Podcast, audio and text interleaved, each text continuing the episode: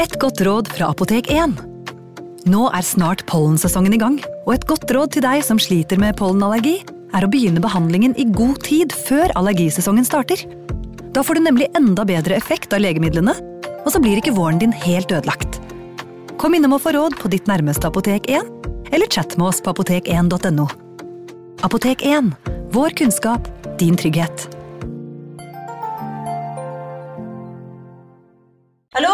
Jeg kommer fra Oslo politikammer. Ine Jansen er purk. Er du purk? The motherfucking bitch. Alt jeg vil, er å finne ut hva som skjedde med mannen min. Jon Carew. Er jeg sikta for noe? Iben Akeli. Det er du. Ole So, Lars Berrum og Big Daddy Karsten. Hvem sin side er du på, egentlig? Anette Hoff, Tone Danielsen, Kommer du fra Afrika? Jørnis Josef, Nesten. Kløfta. Trond Espen Seim, Det er synd å si det, men det var feil mann som døde. Purk. Premiere tirsdag på TV2 Play.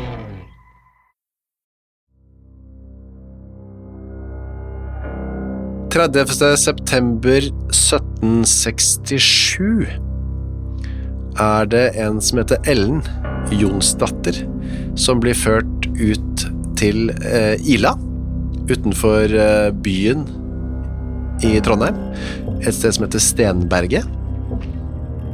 Der skal hun halshugges av skarpretter Johan Kaspar Ørnstein. Nattmannen, Ole Hansen, eh, er også med. Han skal spikre opp hodet til Ellen etter halshuggingen. Hva hadde hun gjort?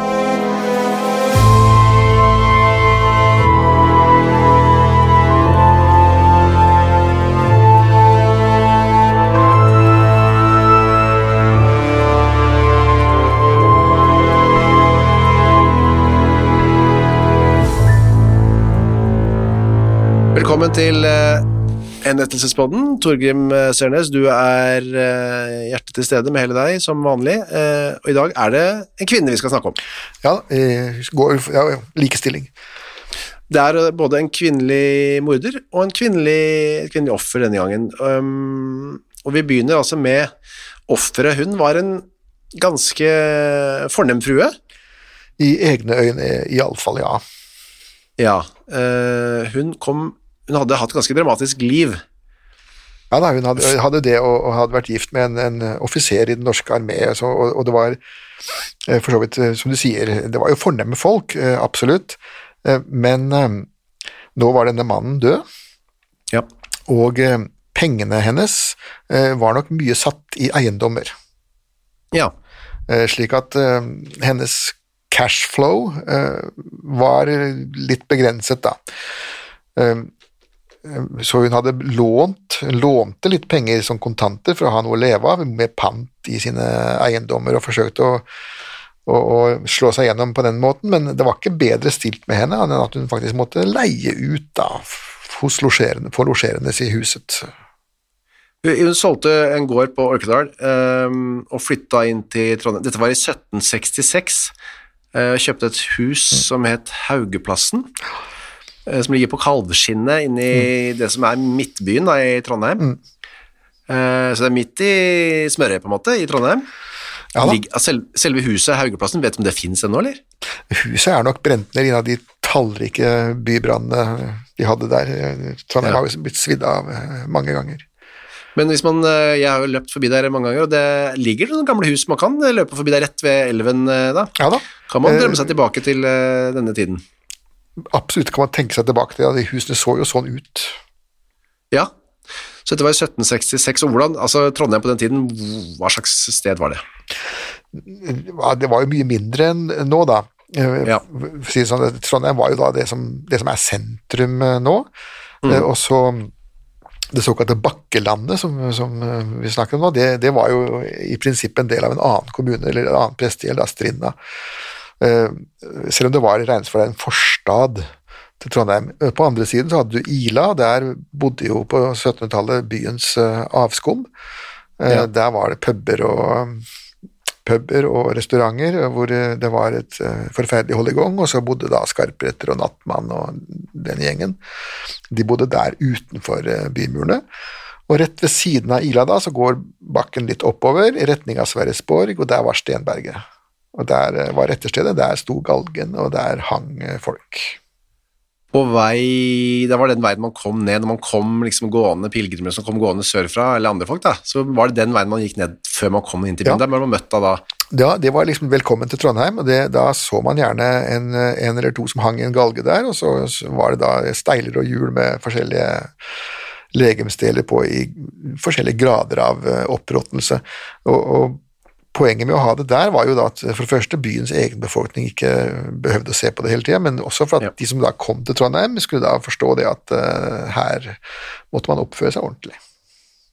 Dette skjer med deg, du fremmede, hvis du sklir ut her inne. Ja. Ellen Birgitte, hun eh, bodde da som en enkefrue. Hvor gammel var hun her? Var det liksom i 50-åra, eller? Ja, hun var vel kanskje enda litt eh, eldre enn det også, eh, litt sånn ubestemmelig rundt i 60-årene, tror jeg. Hun hadde jo ganske mange slektninger i byen, altså det var jo rike, eller velstående iallfall, brødre og, og forskjellige mennesker som bodde rundt i, i Trondheim. Altså hun var jo ikke en sånn ensom gammel dame, det var hun ikke. Nei. Men hun var, eh, hun var en, en Hva skal vi si eh, Man kan nesten bruke uttrykket som fattigfornem, da. Eh, Ja. Blitt veldig sparsommelig på sine gamle dager. For å prøve å overleve hennes manns død, da. Og, gifte seg jo ikke igjen heller, og gjorde vel heller aldri noe forsøk på å gifte seg igjen. Og så eh, låste hun døra, som ikke alle gjorde på den tiden, og hun hadde, sa hun, en frykt for å bli slått i hjel, og det var litt sånn Ja. Hennes ble det. Ja, men, men hun hadde ikke jo noe Dette er noe som man ofte, ofte ser hos gamle folk som bor alene, at de får en slags Ja. form for paranoia. Ja. paranoia, old, old maids paranoia, som det heter, hvor man føler seg ensom og alene og ubeskyttet. Og i hennes eh, tilfelle så var det jo da dessverre ikke uten Altså, det var jo Hun skulle få rett, da, dessverre. Ja. For det som skjedde var 1766, først juledag, så er det en av naboene hennes, slakter Sten, som sender datteren sin, Adriana, hun er tolv år gammel, eh, bort til enkefruen eh, for å høre om hun har lyst til å komme og spise middag. Det var noe de gjorde, familien gjorde ofte det, de tok henne og hadde henne av til hele julehelgen også. Hun hadde invitert henne til julelaten, men, eh, eller de da, men da hadde hun sagt nei takk. Hun ventet en besøk av en som skulle leie hos henne, da. Ja, en advokat, faktisk. Så. Ja. Men da jenta går over til hun Adriana, lille Adriana, hjem til den gamle, altså hjem til damen, da, Ellen Birgitte Jonstrup, så er døra åpen. Men ikke bare at den er åpen, men nøkkelen står i på utsida. Og da går hun Adriana inn og finner alle dørene i huset åpne, med et unntak, og det er døra inn der hvor hun sover. Og der inne finner Adriana fru Jonstrup eh, liggende oppå dynen, men eh, altså iført eh, klær, føttene utenfor. Og da Adriana går bort til henne, hun tror at hun sover, så ser hun at det renner blod fra munnen. Ja da, Jonstrup var død. Hun var død, og hun er forskrekket og løper hjem til foreldrene sine, sier at eh, fru Jonstrup ligger død på sengen. Og da syns slakteren det høres rart ut, å ta med seg datteren sin, sin voksne datter, og en styrmann. Og, og nå, det er nå det begynner, synes jeg, å bli eh, altså, veldig tydelig igjen, da, at dette er et annet samfunn enn vårt. For det er ikke noe snakk om å ringe altså, man, vi kunne ikke ringe noen, men også si fra til politiet på noen måte. Nei, eh, man måtte først finne ut om det var det virkelig slik, Ja. og så, og så Dette er noe som henger igjen fra, fra eldre tider også, at slektningene måtte jo informeres først. ja, før myndighetene. Ja, for det var slektningene var jo de såkalte ettermålsmennene. Det var jo de som skulle føre saken, det var de som skulle anmelde det hele, og eventuelt også eh, vitne i rettssaken. Sånn at eh, man måtte gå via slektningene først. Ja, for Først så går de innom en nabo eh, hvor en soldat bor, og får med familien hans. eh, og går de inn, og da ser de at bordet er dekket med en duk, det ligger noen kringler der, strykejern så klart. eh, noe tøy er strøket, noe ikke. Det er klart til stryking. Det er da i stuen, dette. Og så går de inn til soverommet, og der ser han slakter, eller slakterfruen, fru Steen, ser også at hun ligger der død, da. Og da låser hun døra etter seg og går ut og hjem for å spise middag. Ja. Låsing av døren var for å hindre plyndring. Ja, men det er, ikke, det er jo ikke noe mer hast enn at hun da skal hjem og få i seg mat. Nei, vet du at på 1700-tallet så, så var nok døden en mye mer nærliggende eller, Ja. fenomen, og var man først død, så var det jo ikke, hadde det jo ikke lenger noe hastverk. Nei, det er jo en logikk i det, da. Nei, altså, hvis er du død, så er man død, og da, de, de får jo ikke dem i liv igjen, så da kan man like gjerne ta middagen først. Men mannen hennes, slakteren, går, han går for å si ifra, men ikke til noen sånn fogd eller noe sånt, han. Han går til en slags uh, toll, tollklarerer, eller hva man skal kalle det. Mm. Ja, en som heter. Slippenbach. Ja, Mm. det er en slektning, da. Så.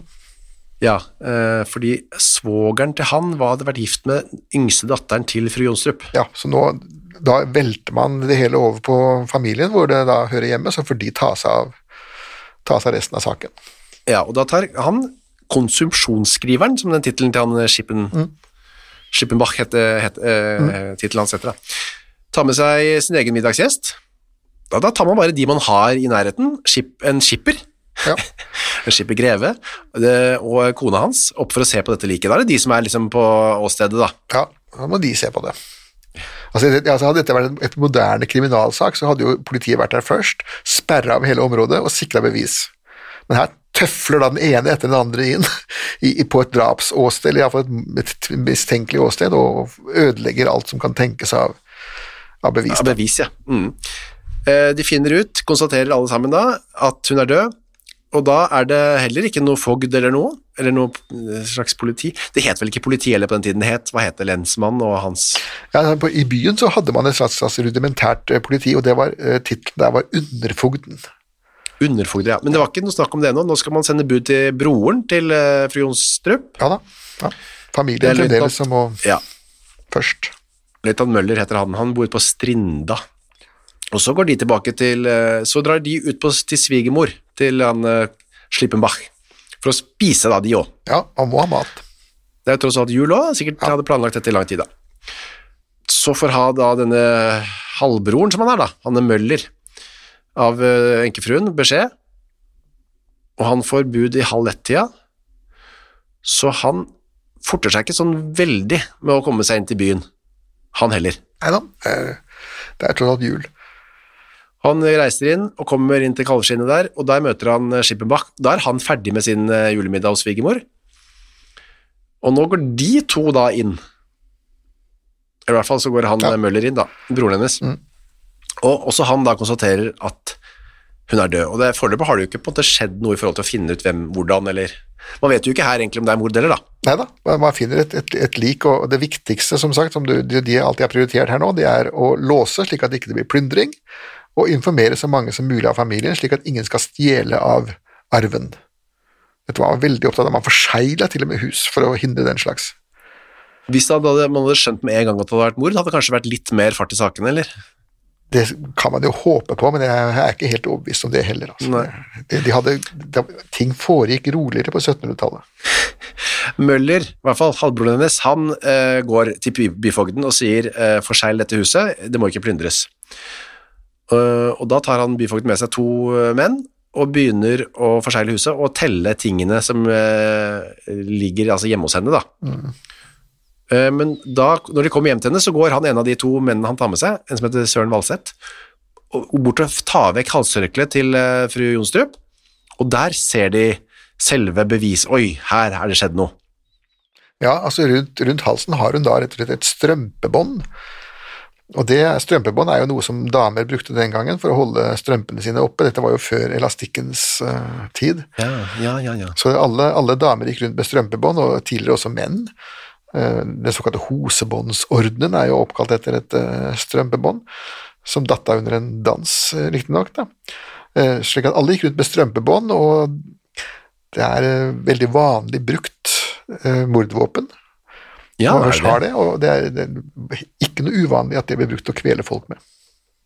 Det viser at det er, når man inspiserer dette, så ser man at det er to knuter på strømpebåndet. Man har dratt liksom, det båndet hardt sammen, og så tatt først en knute, og så utenpå der en slags sløyfe. Ja, Så det, det skulle ikke av igjen. Nei. Og det er jo ikke da noe så mye å lure på om dette er eh, mord eller selvmord, for det er vanskelig å kvele seg så, liksom knytte en sløyfe på. I hvert fall uvanlig da, sikkert. Eh, Det har vært gjort. Har det det? Ja, eh, det har vært gjort. Eh, Til og med en engelsk rettsmedisiner som, som eh, to rettsmedisinere i England som på 1900-tallet en gang gikk ut på en offentlig toalett for at de skulle bevise for hverandre at det gikk an. Ja. Og de klarte da også å kvele seg med en eh, strikk, med en sånn tau, og slå knute på den, og dra knuten opp igjen uten å daue det. Så de, de beviste at det var mulig å begå selvmord på den Ja, måten. Men vanlig er det jo ikke da. Nei, vanlig er det ikke, og det var det sikkert ikke da heller, så da tenkte man at man må undersøke dette. Det kom tre leger som da kunne konstatere at hun ble kvalt med et strømpebånd. Eh, man skulle flytte liket fra sengen over på obduksjonsbordet, som da var bare spisebordet hennes eller sånn da, Ja, sikkert. de tok, de tok det der og da. På stedet. Det er ikke så vanlig nå i våre dager, heldigvis kanskje. Uh, Nei, og det er slik at de som gjør obduksjoner i våre dager, er jo trente rettsmedisinere. Den gang tok de den nærmeste doktoren de kunne finne. Ja, riktig.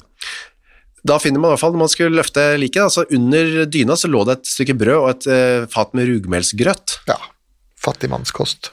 Ja, og da tenkte man, aha, hun har vært eh, flau over maten og gjemt under dyna når hun skulle lukke opp. Noen har banket på. Hun har tenkt, ingen må se at jeg spiser fattigmannskost på i jula, og gjemmer det under dyna. Ja, for det var jo til og med julaften. Folk hadde jo forventa litt mer, kanskje en pølse eller Så da er jo spørsmålet hvem som har eh, myrdet denne Jonstrup, da. Så man snakker med naboene, hører eh, med de, og så viser det seg at naboen som bodde rett over gata, eh, har hørt at noen banket på hjemme hos eh, Jonstrup mellom seks og sju på julaften. Og da, han trodde det var hos seg, da, så han lukket opp, da så han et kvinnemenneske, som han sier, utenfor Jonstrup, og ser at Jonstrup lukker den fremmede kvinnen inn, og låser. Så da er det jo et spor, en Ja kvinne. da, og, og dessuten så, som sagt, strømpebånd er jo kvinner som bruker. Eller denne gangen. Det var det ja. ja. Eh, det ble utropt en belønning, eh, men så er det en som heter Lisbeth, nabokona til eh, fru Jonstrup. Hun møter en kvinne hun har sett før, i, midt på gata bare, da. Utenfor Madame Sartorius' gård, eh, står det. Og det hun, hun møter er Ellen Jonsdatter. Det er den tidligere tjenestepiken til fru Jonstrup. Men Ellen er da kledd i klær som hun kjenner igjen som fru Jonstrups egne klær. Ja, det var jo ikke spesielt uh, gjennomtenkt, det, men hun, hun stilte jo opp i garderoben, ja. Ja, og da uh, Men det hun gjør, er at hun, denne Lisbeth, da, hun bryr seg ikke noe mer med det, og lar være å si noe til myndighetene. Fornuftig nok, tror jeg. Men jeg må tenke på datidens politikk, som man, man vil ikke bli blandet opp i noe. Nei. Men så var det en jente igjen, da, som eh, oppdager noe. Da eh, er en 13 år gammel jente som heter Anne, som er skal kjøpe noe brød. Så møter, hun oppe i Vaterlandsveita, jeg vet ikke helt hvor Altså, disse veitene er jo sånne små, trange gater. i- I Trondheim er det veldig koselige små sånne smug. Ja, Hun hører uh, spill og dans, står det, og i det, det der stedet hvor den spill og dansen kommer fra, så det, kommer det en slede, og der kommer det ut av den sleden en kvinne som hun har sett før, og det er da igjen Ellen Jonsdatter. Ja staselig kledd. Ja, hun er, og så står det her, oppdresset som en fin frue, en sort fløyelsette med kniplinger, sort muffa av fløyel med hermelinkanter. Altså hermelin, det er jo det dyreste av det dyre av Ja da, pels. ja da det er, det er pengene rent. Gul silkekåpe, grønt skjørt og hvit bomullsoverdel, to gullringer på fingrene, og under fløyelshetta en, et hodelin, da. Et slags sånt, uh, en sånn kyseaktig, er det det, eller? Ja, det skulle være, det skulle være pent, da. Det skulle være sånn med kniplinger, og man ser for seg noe Ja, en rød sløyfe, ja. ja, så stilig. Anne ble stående og gape. Hva, slags, hva har skjedd med Ellen? For hun er jo i utgangspunktet bare en fattig tjenestepike. Ja, hun hadde jo ikke egne klær engang, for bare tre dager tidligere. Nei, og hun gir Anne et uh, lille jenta, et uh, silkeskjerf. Kan du koste ned meg før jeg går inn i dansestuen? Og vil det så at Anne skal være med og passe. Hun oppfører seg altså som en uh, fordems sånn uh, er virkelig fin frue nå, da. Ja, nå har Askepott, Eller- Askepott fått tryllet på seg stasen. Ja. Og Anne blir min og passer yttertøyet hennes, eh, mens Ellen uh, Jonsdatter da, danser med forskjellige herrer. Hun er virkelig ute og koser seg nå, Ellen. Ja da, nå har hun slått ut håret. Eh, og, men da sitter Anne og ser på, altså denne smarte lille jenta, sitter og ser på disse plaggene og syns hun har sett disse plaggene på uh, fru Jonstrup tidligere. Etter hvert så går, hun, går de ut, dansen er ferdig, og da vil ah, Ellen er ikke ferdig, hun vil danse i Danielsveit, Danielsveita, da. Ja, hun går nå på et sånn pubcrawl, da. Nå går hun fra det ene selskapslokalet til det andre for å Ja. virkelig markere seg. Men på vei dit så blir hun distrahert av et annet skjenkested som er i Kjellgårdsveiten. Og der smetter hun inn for å danse litt mer, da. Men da går Anne hjem, og så sier hun, forteller hun foreldrene sine om disse klærne. Foreldrene syns ikke egentlig det er noe så veldig mye å bry seg med. Nei, men igjen så Man skal holde seg for seg selv, nå. Ja. De vil ikke bli blandet opp i noe. Anne forteller da til naboen, at, eh, altså sin venninne, da, som er nabojenta, og hun igjen forteller til, sin- til sin mor, og da eh, kommer to altså damer, det er moren til venninnen, og en annen dame, jeg vet ikke hvem det er, men i hvert fall, de, de ber at Anne skal bli med til byen for å finne Ellen, da, for nå skal disse to damene, de tar liksom ansvar. Dette er to myndige matroner. Ja, for da følte de vi må si fra, ingen andre gjør det, så da er det vår plikt å se hva som har skjedd, finne ut hva som har skjedd. Ja, men de må først finne det ut selv før de går til politiet. Så går de da til, dette er samme kveld da, i dansehallen i Kjelsgårdsgaten, Ja da. og der finner Ukas annonsør er Cura of Sweden. Visste du at verdens søvndag feires den 15. mars? Nei. Det er en dag som er til for å skape oppmerksomhet rundt dette med søvn, da. Og så er det en god anledning til å tenke over dette med egne søvnvaner. Jeg er jo veldig glad i å sove, jeg er så glad i å tenke på å sove, og så veldig glad i å glede meg til å legge meg. Jeg så på Squid Game med familien her eh, rundt juletider. Der legger jo deltakerne seg eh, hver kveld da, i sengene sine, og da, det kunne jeg nesten synes var høydepunktet av Squid Game, var når deltakerne la seg. Jeg synes det så så deilig ut å legge seg. Nå hadde ikke de Cura of Sweden vektdyner, da, riktig nok, eh, som hadde gjort det enda bedre. Det er en ny studie nå fra Uppsala universitet som viser at vektdyne, bruken av det, øker melatoninnivået hos friske unge voksne eh, når de legger seg. Da. Og melatonin det utskilles for å fortelle kroppen at det er på tide å sove, og så kan det bidra til å øke trøttheten. Da. Med andre ord, har du en vektdyne fra Cura of Sweden, så får du mer melatonin og enda bedre søvn. Da. I tillegg til vektdyner og tepper, så har Cura også andre produkter som skal gjøre søvnkvaliteten vår bedre, blant annet AirTemp-madrassen de har, som hjelper til med å regulere kroppstemperaturen. Altså, det er så mye å boltre seg i for oss som er glad i å sove. Og fram til 15. mars så feirer Cura verdens søvndag med opptil 60% rabatt på curaofsweden.no, og bruker du koden vår HENRETT med to t-er, får du i tillegg 25% avslag på både originale og nedsatte priser. Sov godt! Ukas annonsør er Nextory. På Nextory så finner du hundretusenvis av eh, e-bøker og lydbøker.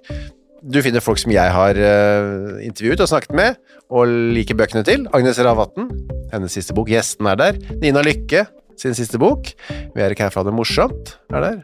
Og så er det jo krim, biografier, essays, uh, romantikk, sannhistorier, barnebøker, faktabøker, spenningsbøker, science fiction Alt mulig du kan tenke deg. Og også bok av uh, Torgrim Sørnes. De henrettede igjen, Ondskap, for eksempel. Det er da uh, Torgrims gjennomgang av en del av sakene fra 1800-tallet, som endte da med halshugging, da, som de gjerne gjorde. For eksempel Kristoffer Svartbekken, denne snikmorderen fra um, Elverumsdraktene, som pryder også coveret, ser skummel type. Eller da, som sagt, forferdelig mye annet. Gå inn på nextstory.no skråstrek henrettelse registrer deg der, så får du seks uker gratis tilgang til nesten uendelig mange bøker. God fornøyelse! De, eh, Ellen Jonsdatter, hun sitter uh, i dette dansestedet. Da. Hva slags dansested var det egentlig? Var det altså en sånn, var satt et eh, band da, måtte vært og spilt? For det var ikke Nei, noe... det var ikke noe band, det var vel en, en, eh, fele, en som spilte fele som regel, da. Det Ja, en slags, sånn- det var felespilleren, Per Spellemann, som satt der. og da på en slags scene, og så, så var det dansegulv der, med noe Ja, det var dansegulv, men om det, om det var så mye scene, som regel så satt jo denne felespilleren borti en krok og, og, og spilte inntil han ble såpass full at han ikke kunne spille mer. Da var jo festen over. Det var det som satte det- begrensningen, da. Hva slags musikk var dette? Var dette liksom Ja, det var jo vanlig sånn springer og ganger, og det var jo ikke noe mer futt. eh, Det var de vanlige folkedansene som Leikaringen Ja. tar fremdeles. Men hva slags dans var det? da? Var det, en- var det sånn fridans, da? eller var det en sånn organisert som man har sett på film? Da, Ja, Sånn- det var jo, hvis, hvis du var i virkelig fine selskaper i byer, i sånne, sånne flotte ting, så, så kunne du jo danse sånne organiserte pavaner og sarabander Ja. og sånne ting. Mens dette var jo ikke det, dette var jo eh, havnekneiper og kroer og sånt, og her danset man jo de, de, ting, de tingene man faktisk kunne, da, men det var jo ikke pardans i den forstand, at, man, at det var to stykker som dansa vals, det var jo ikke oppfunnet enda. Eh, Så det var mer sånne ting som du ser Leikaringen gjør, litt sånn hallingspark eh, litt sør Ja. i Sørlandet, og, og sånne ting, da. Og det var, kan man tenke seg, varmt der inne, ganske røykfylt sikkert, ikke noe sånn god ventilasjon, og det var hett, kan man gjette seg til, Hett og sannsynligvis også illeluktende for våre Ja. neser, da. av uvaskete kropper og alt, egentlig. Ja, altså det, det, du kan jo tenke deg som å møte et ganske stint lokale full av fulle folk som ikke har dusja siden de ble født.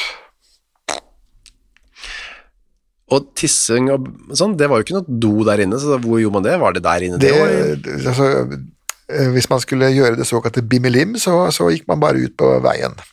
ja. Eh, Hvis man skulle gjøre det såkalte bommelom, så må man gå på utedassen, eh, og det var det i byene. Altså, Ja. var, de hadde jo sånne vanlige utedoer, sånn som vi hadde på hytta i gamle dager, Mm. eh, med dertilhørende stank fra den også, da. Uansett, inne i dette danselokalet, eh, som ble drevet av en som het Jon Kvikne, eh, satt Ellen sammen med en mann som snakket et fremmed språk, står det i rettspapirene her. Ja, en franskmann fikk, fikk etter hvert klart å dedusere seg fram til at han må ha vært. Men hun snakket jo ikke fransk. Nei, Eh, men jeg tror men brukte kroppsspråket, de to der. Det virker sånn Ja. på beskrivelsen iallfall. gjorde henne adskillige karesser, står det. Ja, Altså kjærtegn, da. ja. Han satt og tafsa på henne, for å si det på moderne Ja, språk, da. og hun, hun eh, var vel ikke blitt tafset så veldig mye på før i sitt liv, så kanskje hun syntes Nei, det var gøy, jeg vet ikke. Nei, det kan jo, eh, man kan tenke seg at hun syntes det. Og da ble en, hun, ene damen der, Marit, sittende igjen for å øh, overvåke Ellen, mens den andre damen fulgte datteren hjem, den jenta hjem til sin mor, og så gikk de for å to, øh, moren til Anne og Berthe, som hun het, hun ene myndige damen, for å anmelde til øvrigheten. Og da gikk de til han, tilbake igjen til han tollemannen Slippenbach. Ja.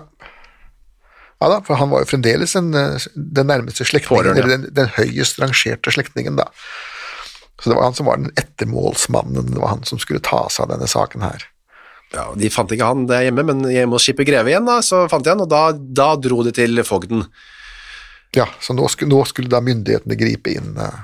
Ja. Men selv ikke han syntes det var noe å stresse med dette her. Nei da.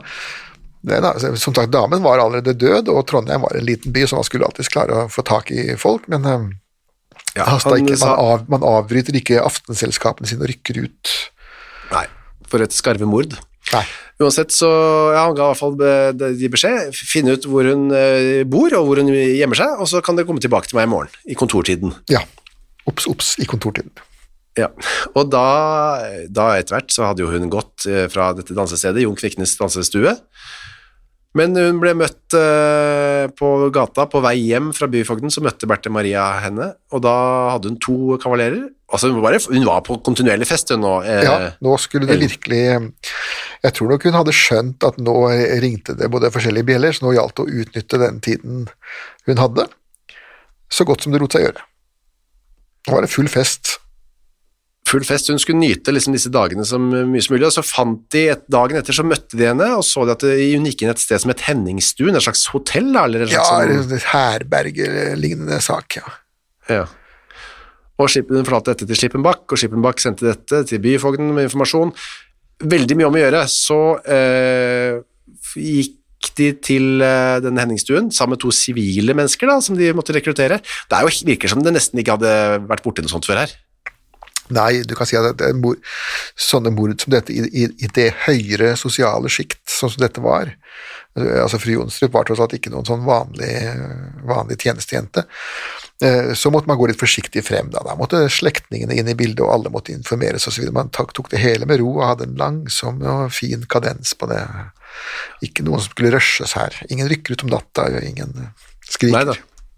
De fant henne da hun satt inne på dette herberget sitt, eller hva det var, Henningstuen. Hun satt på en seng, og han eh, som han skulle ha blitt sendt ut som et valsett, sa at nå må du bli med.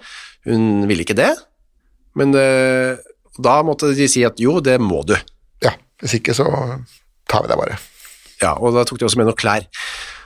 Og da var det jo, da de begynte å pakke ut disse klærne, var det jo da mm, ikke egentlig så mye å lure på lenger, var det vel? Nei, det var jo fru Jonstrups eiendeler. Hun hadde jo plyndret, plyndret eh, huset eh, for det som det var Det som hun mente var av verdi da. Smykker og klær veldig mye. Så etter hvert så tilsto Ellen, da, det var ikke så mye å lure på, da var jo historien den at uh, hun hadde vært tjenestepike, Og så var det noe med noen sko som hun skulle få. Ja, altså Poenget er det at hun tok seg jobb som tjenestepike eh, hos fru Jonstrup, men hadde da ikke egne sko. Altså, hun hadde jo faktisk ingenting. Hun var jo kavende eh, blakk. Hva gikk hun i da, egentlig? I Nei, barbeint? gikk barbeint, ja. Og, men så, i og med at hun da skulle være tjenestepike, så skulle hun da løpe ærend.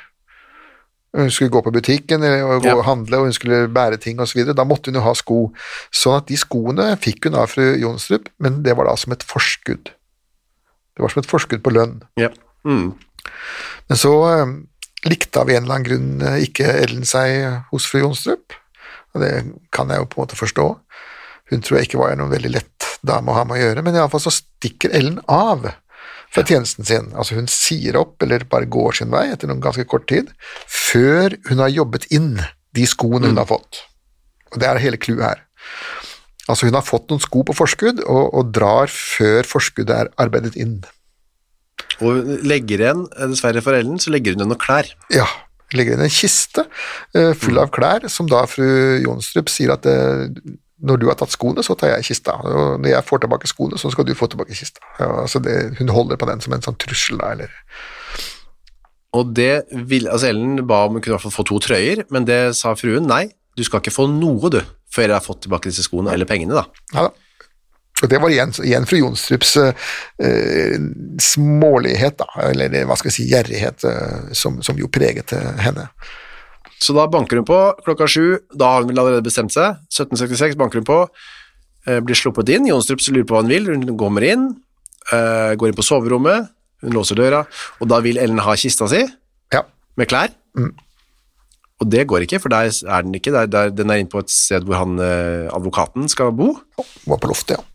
Ja, han har nøkkelen. Eh, og hun har, så vi skjønner Ellen at fruen har åpnet uh, kisten for å se oppi, og det er noen penger der da. Ja. Og ikke bare penger, men også tatt ut en del ting av kisten, da. Har fru Jonstrup gjort. Og så ber jo Ellen, for dette, denne liksom samtalen har da Ellen gjenskapt for uh, i avhør da, sikkert. Ja, ja da. Eller i retten. Hun ber om å få mine klær eh, som var i kista, er da vel ikke på loftet, siden jeg har åpnet kisten, og la meg da få den ene av trøyerne, om ikke mere. Hun har jo sikkert ikke nesten klær da, i det hele tatt. Nei, altså hun, hun, hun er som sagt, hun har ikke noe annet enn det hun står og går i, og det er uh, dårlig nok. Og så har hun disse skoene, da. skoene, ja. Og da skriver, eller svarer fruen, Jonstrup, jo, de er inne på loftet, til og med slår jeg ikke ild og tenner lys for den skyld. Jeg har Nei. lagt meg med dagslys, og jeg har vel intet lys ved hånden. Dette har vært inne på før, man hadde ikke råd til å drive og ha lys på på kvelden. Nei, ikke for, da, da skulle det være en god grunn. Og som sagt, fru, Jonstrup var en sparsommelig dame i sin tilstand, og, og ville ikke tenne lys, og iallfall ikke for at tjenerskapet skulle opp og se på de gamle fillene sine. Og da hisser Ellen seg opp. Mitt forkle og tørkle som lå i til å tvettes, er da ikke inne på loftet, la meg få dem, roper hun nå. Nå er det opphisset stemning. Ja da, nå begynner det å bli krangel. Og så befaler Jonstrup eh, at du skal gå, og sier dersom du oppfører deg uvettig, så skal jeg lære deg. Så går hun bort og slår da stakkars Ellen. Ja, men det hadde du faktisk, eh, det hadde hun faktisk lov til. Ja, Eh, man hadde refselsesrett overfor tjenerskapet.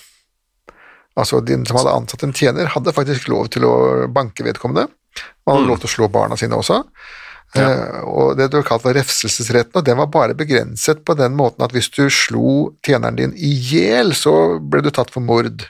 Og hvis du lemlestet vedkommende, så vedkommende ble vannfør, så måtte du betale for det. Men bortsett fra det, så kunne du slå så mye du ville. men Ellen var ikke er helt enig i det. Nei, det var greit. tjenerne var ofte ikke det. Nei. Hun tok av seg strømpebåndet, tok tak i fru Jonstrup, slo av dette strømpebåndet rundt halsen hennes og stramma til da med begge hender. Og eh, fruen sank ned på en stol, hveste at Ellen skulle slippe henne, mens hun liksom prøvde å klore henne i ansiktet. da. Ja, Men da holder altså Ellen strømpebåndet ved den ene hånden, eh, fast med den ene hånden, og så hendene til Jonstrup i den andre, velter henne opp i senga og snører båndet til, Ja. til livet nesten var av fru Jonstrup. ja strangulering. Ja, så slo hun to knuter på og lot henne ligge mens det kurret litt i hennes hals. Altså, åh, kom det sånne rallingslyder da, kanskje? Ja, det lille som kan komme ut. Altså Når man, når man kveler folk med et sånt strømpebånd, så det, det som man først og fremst gjør, er jo å ikke ta selve strupehodet, men man eh, snører av de pulsårene som går opp til hodet, da. Det er jo fire stykker av dem, to på forsida og to på baksida. Eh, Så da kan det fremdeles vedkommende teknisk sett puste eller lage lyder, Ja. Eh, men du dør likevel. Fordi at hjernen får ikke blod. Og da tar det jo egentlig bare noen sekunder før, før du er død. Ja, og mens hun lå der og døde, så tente Ellen opp litt lys, da. Ja da, det var ikke hennes lys. sånn da. Foreløpig hadde det vært ganske så mørkt under dette her, da, er det det? Ja, dette er en sånn sparsommelig dame som ikke, som sa, hun tenner ikke lys, men hun gikk og la seg med dagslyset, som hun sa, det at når det ble mørkt ute, så gikk fruen og la seg. Når det ble lyst ute, så sto hun opp. For det er klokka fire eller noe sånt i Trondheim på rundt juletider. Ja, på så det var korte dager. korte dager, ja. Hun finner masse, da. Hun finner en kiste med gull og sølv, ringer, sølv, silketørklær, sølvknapper, sølvskjeer, Mm. et svampehus. Ja, en sånn her liten uh, smykkelignende ting som, eh, som man, som en slags luktesans. Eller luktesalt, tror jeg man hadde, så kunne man sniffe. Oh, ja, ja, sånn, ja. Fem ort 18 skilling. Hva er det for noe? Ort? Ja, altså én ort, en, en daler var delt opp i fire ort. Å ja. Og så var den, eh, og en daler var også delt opp i sånn eh, 96 skilling, da, sånn at eh, tre, den summen der var sånn cirka en daler. Ja, tok med seg det, eh, klærne som hun ble arrestert med senere, og så tok med seg noen kringler, makroner og noen sukkerkavringer som eh, hun hadde liggende, da, hun Fjonstrup. Og så var det jo da ute og bruke penger, og dette har vi jo da fått inntrykk av. Hun levde livet, hun ante kanskje at dette kom til å gå den veien det skulle gå, og passet på å nyte livet så mye hun kunne, da. Ja, nå, nå gjaldt det bare å fyre opp de pengene mens hun ennå hadde noe å fyre det opp eh, for. Å danse og få noen karesser og være fornem. Og være fin Um, frue, ja. Ja. Jeg ser for meg hele tiden Aske, Askepott som danser på ball og venter på at klokka skal bli tolv. ja, og det ble den jo til gangs, da. Ja da, det ble det. Det blir alltid det. I, rettssak, I rettssaken så fikk hun eh, en eh, forsvarer som ikke var så ålreit. Nei, man, man, man, hun kunne jo ikke betale noen forsvarer, så hun fikk jo bare en tildelt. Ja, han gjorde ikke så mye ut av seg, Nei, han prøvde i nei. hvert ikke så hardt. Han hadde vel ikke så mye han skulle stille opp med heller. De, de, disse, disse offentlig oppnevnte forsvarerne den gangen, det var jo en, en, eh, ofte en, en litt sånn halvmotivert gjeng, da. Som, Ja. De fikk jo ikke så veldig godt betalt eh, for jobben sin heller, men de fikk pålegg om å være forsvarere for i det hele tatt å beholde sin eh, advokatbevilling. Så dette var noe pålagt jobb da, som, som de kunne få. Da falt i motivasjonen deretter. Ja, sier i rettssalen, jeg har intet til hennes forsvar å forestille, men alene påstå at hun ei må tilfinnes en høyere straff enn hun kan ha fortjent. Så Nettopp. Bare gi henne det hun fortjener, så er jeg fornøyd. Ja, ja, og ikke, ikke mer. Ikke mer, nei. Så blir hun dømt da, overlagt drap, halshugging, hodet på stake, og kroppen begraves på retterstedet. Ja. Det var dommen. Det ble anket til rådstueretten. Eh, Da skulle hun også knipes med glødende tenger, ydmykes og miste høyre hånd. Og Det er jo fordi det var en ekstrastraff hvis man myrder foreldre eller arbeidsgiver. Ja, det var akkurat det, og det var den her forordningen eh, fra, fra 1697, som gikk på Ja. at hvis man, som du sier, foreldre eller arbeidsgiver, da, for arbeidsgiveren var jo da i foreldrenes sted. Sånn at eh, hun fikk da en, en den gangen idømt en ganske fæl straff, da. Men hun var jo ikke ansatt, og det var jo et poeng også i Kristiania, hvor overhoff, oberhoffretten, var det en slags høyesterett, eller? Nei, altså Overhoffretten eh, det var, Du kan si at retts, rettssikkerheten på, på 1700-tallet var jo mye høyere nå, for det var mange flere appellinstanser. Du hadde først byretten, og så kom rådstueretten hennes, og så var det overhoffretten i Kristiania, og så var det høyesteretten i København, og så var det til slutt Hans Majestet eh, Kongen som skulle ta det endelige standpunktet. Så du hadde på en måte fem forskjellige appellinstanser. da, sånn at det, I dødsstraffsaker så var det jo Sakene ble tygd og tygd og tygd om igjen og om igjen om igjen i forskjellige fora. Den tiden var det kong Kristian 7. som eh, var eh, på toppen, og han sa niks, hun skal ikke slippe fri, hun skal halshugges. Ja, og eh, du må huske på at kong Kristian var jo spinn, plitt, spitter, pinegal. Ja. Han var jo overhodet ikke normal på den tiden der. Dette var jo i det omfanget hvor han skulle da ut på sin store utenlandsreise og komme i klørne på struen da. Så han, han, var kanskje ikke den eh, mest pålitelige personen. Han overlot veldig mye av den jobbingen her til, til oversekretæren sin, da. Men det var ikke noe bønn for henne, hun skulle eh, halshugges på Ila, men Torgrim, hun, Hun slapp de glødende tengene, da. Det var hun sikkert Ja. fornøyd med. Så da var det den eh, 30. september. Da var det ut på Stenberget. Var det et sånt fast skafott der, eller ble det bygget opp hver gang? På Stenberget så hadde man en fast, det var et fast rettersted, Eh, men Ja. skafottene eh, Man hadde jo ikke impregnering den gangen, så de skafottene råtna jo veldig fort opp. Ja. eh, etter hvert. Og det samme gjaldt jo galgene. Det var jo stadig vekk eh, mas om at nå var galgen dette sammen der eller der, så nå måtte det bygges en ny en, og det var ikke så mange som hadde lyst til å gjøre det heller. Men det var altså som sagt det faste stedet hvor man eh, halshugget folk, der, der, og Stenberget ble brukt til det veldig lenge, inntil midten av 1800-tallet. Da var det etter hvert blitt så mye fin bebyggelse der, og det er det jo nå også. Det er masse smijernsporter og doble garasjer. På Stenberget det er et veldig porst sted å bo. Så da måtte man flytte helt litt lenger ned på Ila, da, til eh, Jakobsløkk og sånne steder. ja vel. Men vet du hva som er akkurat der nå, eller er det Jeg bolighus, eh, vet ikke det, men det er mennesker i Trondheim som vet det. Eh, Ja. Og de har beskrevet at på det og det huset, i den og den adressen, der Ja. var det. Riktig, så det er et konkret sted. Det er et konkret sted, ja. Men jeg vet ikke om de som bor der, vet det. Nei, kanskje de vet det nå? ja, de får undersøke det.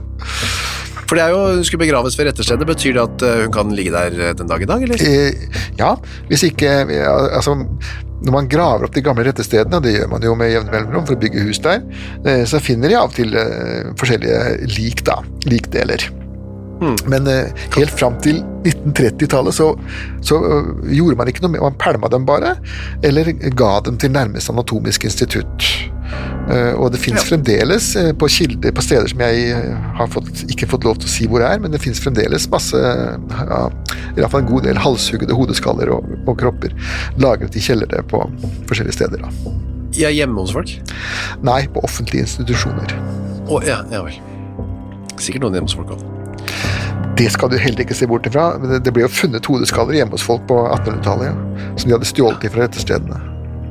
Hun ble halshugget eh, dagen etter, eller noen dager etter, står det i Trondheim, Trondhjems Adresseavis, altså Adresseavisa. da. Ja, I onsdags ble Ellen Jonsdatter for et på kaptan, altså kaptein Jonstrups enkefrue, julaften 1776 begått mord i forstaden Ilen, Ila, henrettet, og hennes hoved efter henrettelsen satt på steigel, altså stake. Ja. Og der fikk det stå til det datt ned, eller? ja der skulle det stå til det datt ned, eller noen stjal det. Det står ikke der fremdeles, det kan vi være ganske sikre på. Jeg håper ikke det. Tusen takk for denne nok en gang muntre eh, vandringen tilbake i historiens eh, mørke, Torgrim. Vær så god. Henrettelsespodden er tilbake om nøyaktig en uke.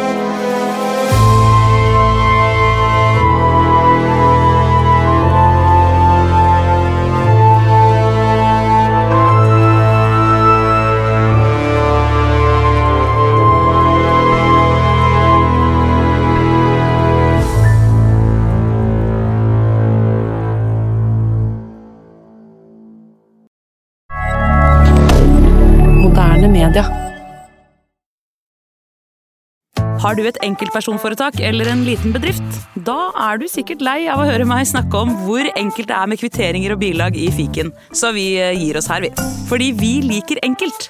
Fiken superenkelt regnskap. Hei, takk for at du hører på Henrettelsespodden. Skulle du ønske at du kunne høre en ny episode av denne podkasten hver eneste uke? Ja, da er det bare å laste ned podkastappen Untold med en gang. I tillegg til at du får da Henrettelsespodden en gang i uka, så får du andre ukentlige podkaster som Historiepodden, True Crime-podden og Gangsterpodden, for å nevne noe. I tillegg til masse annet reklamefritt og eksklusivt innhold, blant annet noen godbiter, da, signert Torgrim og meg. Last ned Untold i AppStore eller på Google Play, og start din 30 dagers gratis prøveperiode i dag.